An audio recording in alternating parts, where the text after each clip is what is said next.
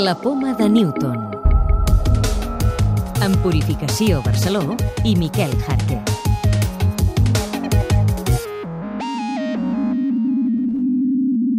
Així sonaria el senyal que dues missions espacials, la Baby Colombo i l'ExoMars, enviaran a la Terra d'aquí molt poc. Científics del Centre Tecnològic de Telecomunicacions de Catalunya treballen perquè la comunicació entre la Terra i les naus sigui possible.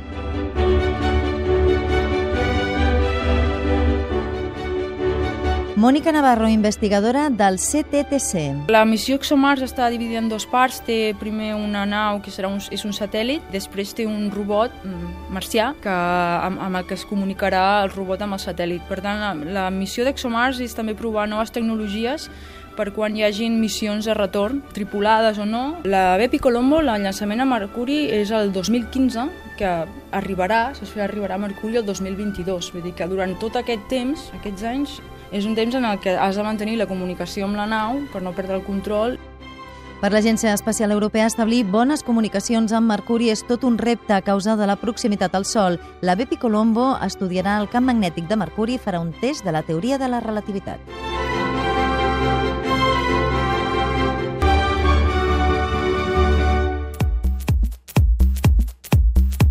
CTTC desenvolupa els algoritmes que van dins dels receptors que faran possibles les comunicacions. Per poder processar aquest senyal tan distorsionat, investiguen amb els anomenats turbocodis. Xavier Mestre, investigador del Centre Tecnològic de Telecomunicacions de Catalunya. És a dir, la nau fa una sèrie de mesures en, eh, en aquestes missions i aquestes mesures es transmeten cap a la Terra. No? Llavors, el que nosaltres estem fent és eh, intentar recuperar aquestes mesures a través del senyal que ens arriba. És un senyal molt distorsionat distorsionat. El que fem nosaltres és veure com podem trencar una mica els límits de les comunicacions eh, habituals per, d'alguna manera, intentar demodular aquest senyal que ens arriba des de tan lluny. I el que la nostra aportació principal és el disseny de nous algoritmes fan servir una tècnica que es diu eh, tècnica de turbosincronització, són sistemes iteratius, que el que fan d'alguna manera és demodular el senyal molt per sota del nivell de soroll.